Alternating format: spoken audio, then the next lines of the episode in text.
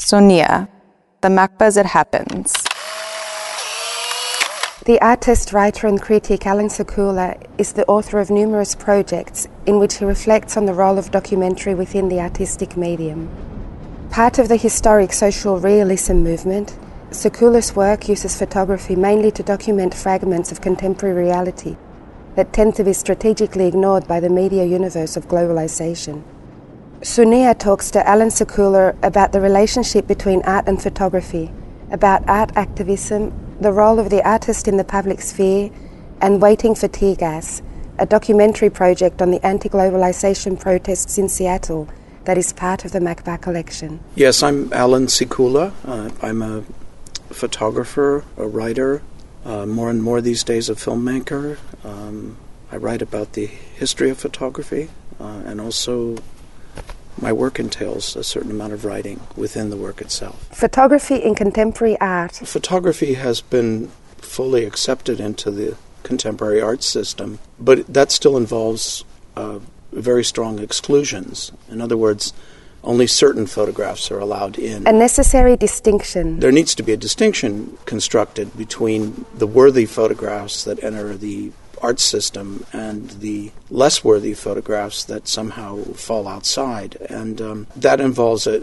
a, continual policing of uh, the status boundaries. The rejection of generalization. What photography could hope to gain by depicting social reality. And my answer to that question was well, photography had certainly gained a lot by refusing to depict social reality. So I think one of the grounds of exclusion is um, constructed along the axis of a kind of art versus journal, journalism or art versus documentary axis. The return of the document and the idea of archive. Many people would say that in contemporary art there's been a kind of return of the document, and to, to a certain degree that's correct, though I think by and large it's been a return of the document by way of the archive. In other words, the structural model of the archive has in a way bewitched, bothered, and bewildered them um, with with um, the the logic of um, category making. The archive and the suspension of meaning. Archives as being uh, sort of sarcophagi, if you want, of meaning, or um, certainly dead zones in which meaning is held in suspension. Photography as essay. My tendency is to want to encourage and engage in the construction of living statements with photographs. So that what interests me is, you know, how how have photographs achieved meaning in groupings that are not archival, you know, in groupings that are are, are more active and more engaged with the world or with the possibility of something we might call poetic structure or essayistic structure or narrative structure, um, which means opening up the idea of the photo essay. Uh, which is a fairly limited and I think impoverished idea that's dated in terms of the history of the uh, the old-fashioned picture magazine press. Photography as a universal language. I'd been interested in claims that photography had um, the properties of a universal language.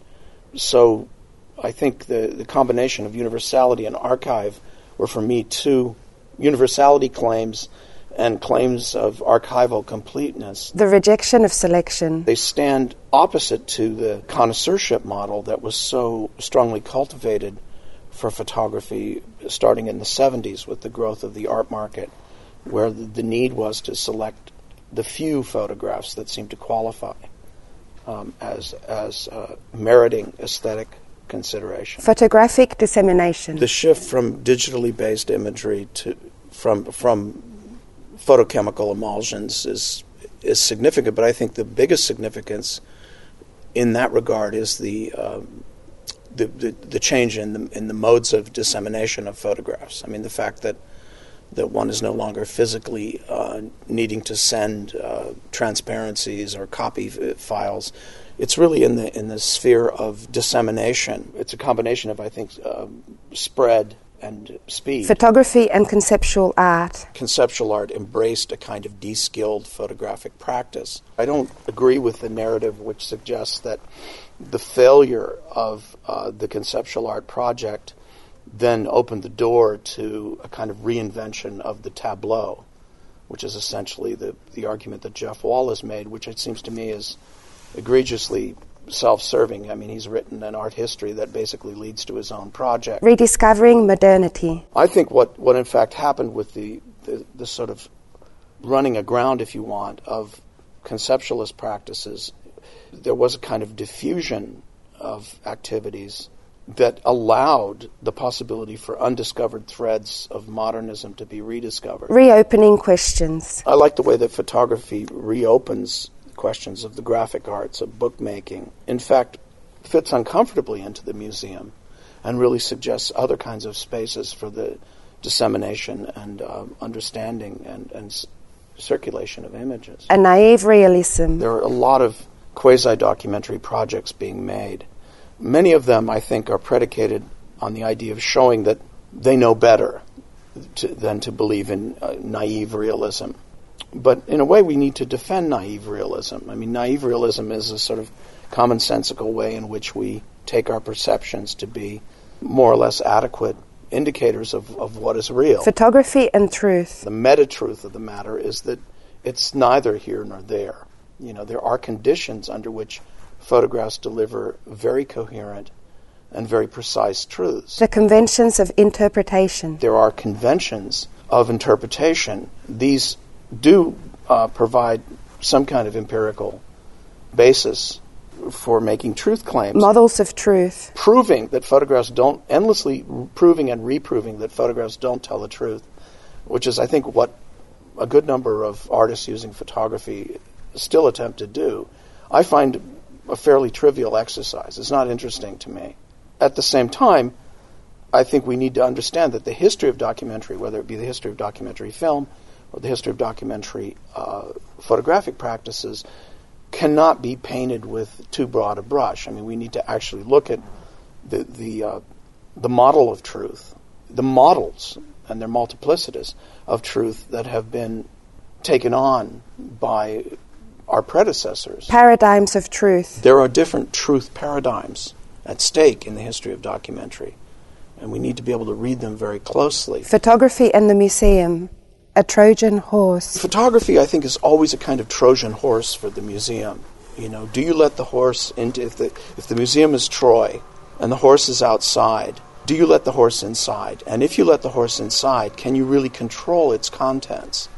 Can you really make sure that the contents don't somehow challenge the very status of the museum? A repetitive compassion. In an odd way, what photography has done, perhaps, and this may be a very pessimistic interpretation, is rather than opening the museum up to the world, it, the museum has embraced photography by engaging in a kind of institutional narcissistic repetition compulsion, looking at itself, looking at its own operations. Rethinking the museum. Photography, although seemingly transparent and bringing us the world, in fact, forces the museum to reflect on its own structuring of its knowledge base or its Documentary realism and democratic struggle. there is a relation of social documentary project historically to democratic struggles. This is very basic, and this is something we have to defend. Art activism. It's better to provoke questions than simply to provide answers, because that involves the conveying of a knowledge to those who somehow don't think. You know, and and I've always been uncomfortable with the role of the you know direct agitator. Much as I've been involved in activist projects, I I don't I don't find commanding political speech interesting to me. I mean, that's not what I want to do, or and I don't like listening to it. What interests me is political dialogue and how people come to ideas of working, functioning uh, critically uh, to transform social conditions. Offering are, are perhaps tools for transformation, but the transformation is indefinite. The art politics relationship. The questions of aesthetics and questions of politics are are interwoven in a very complex way. You know that these are not antagonistic spheres. Other models of political aesthetics. We have is a, a bad aesthetics and a bad politics fused into a kind of control machine, and what we have to achieve is some other model where the play between aesthetics and, and politics can be opened up to the, the dream of freedom. And the survival of that as part of the human project. The artist as critical subject. the artist as a kind of critical subject who may be helping keep the flame of the demos alive against this monster that's been constructed. The role of the artist. Perhaps the role of the artist is, is to sort of find a path that's coherent through that incoherence and that aggregation of overloaded meaning. Waiting for gas.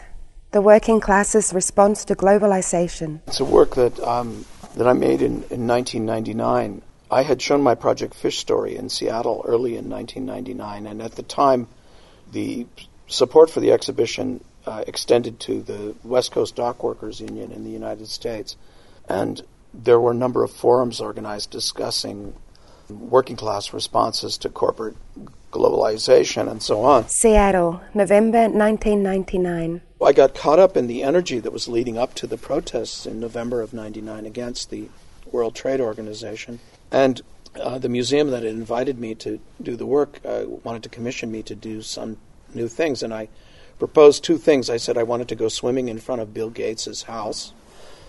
And I said that I wanted to um, follow the events that would unfold in, in the streets of Seattle. So I came up, and my strategy was simply to stay with the crowd, to make choices about which groups in the crowd I went with. I tended to stay with the more radical unions, the truck drivers and the dock workers, because I knew the dock workers, and I one finds in these situations a kind of affinity group. Groups within the multitude. I simply followed the flow of the events over those three days, and they were truly a, a rupture of everyday life. I mean, uh, on the one side, one saw a, a level of uh, security and protection and militarization of policing that I'd never seen before in the United States. Uh, Clinton arrived uh, t- maybe two days into the WTO meetings, uh, you know, surrounded by police who were armed in a, in a, in a way that was at that time surprising, though now no longer it's the common response to to protest. Social protest against corporations. What was happening was by and large a confrontation between I think what was a strongly Gandhian, nonviolent and, and very feminist protest, and also very working class protest against an increasingly uh, implacable corporate state kind of riot control machine. An alternative representation of the Seattle demonstration. I really wanted to somehow get a sense of this flow, of the clash of, of these things.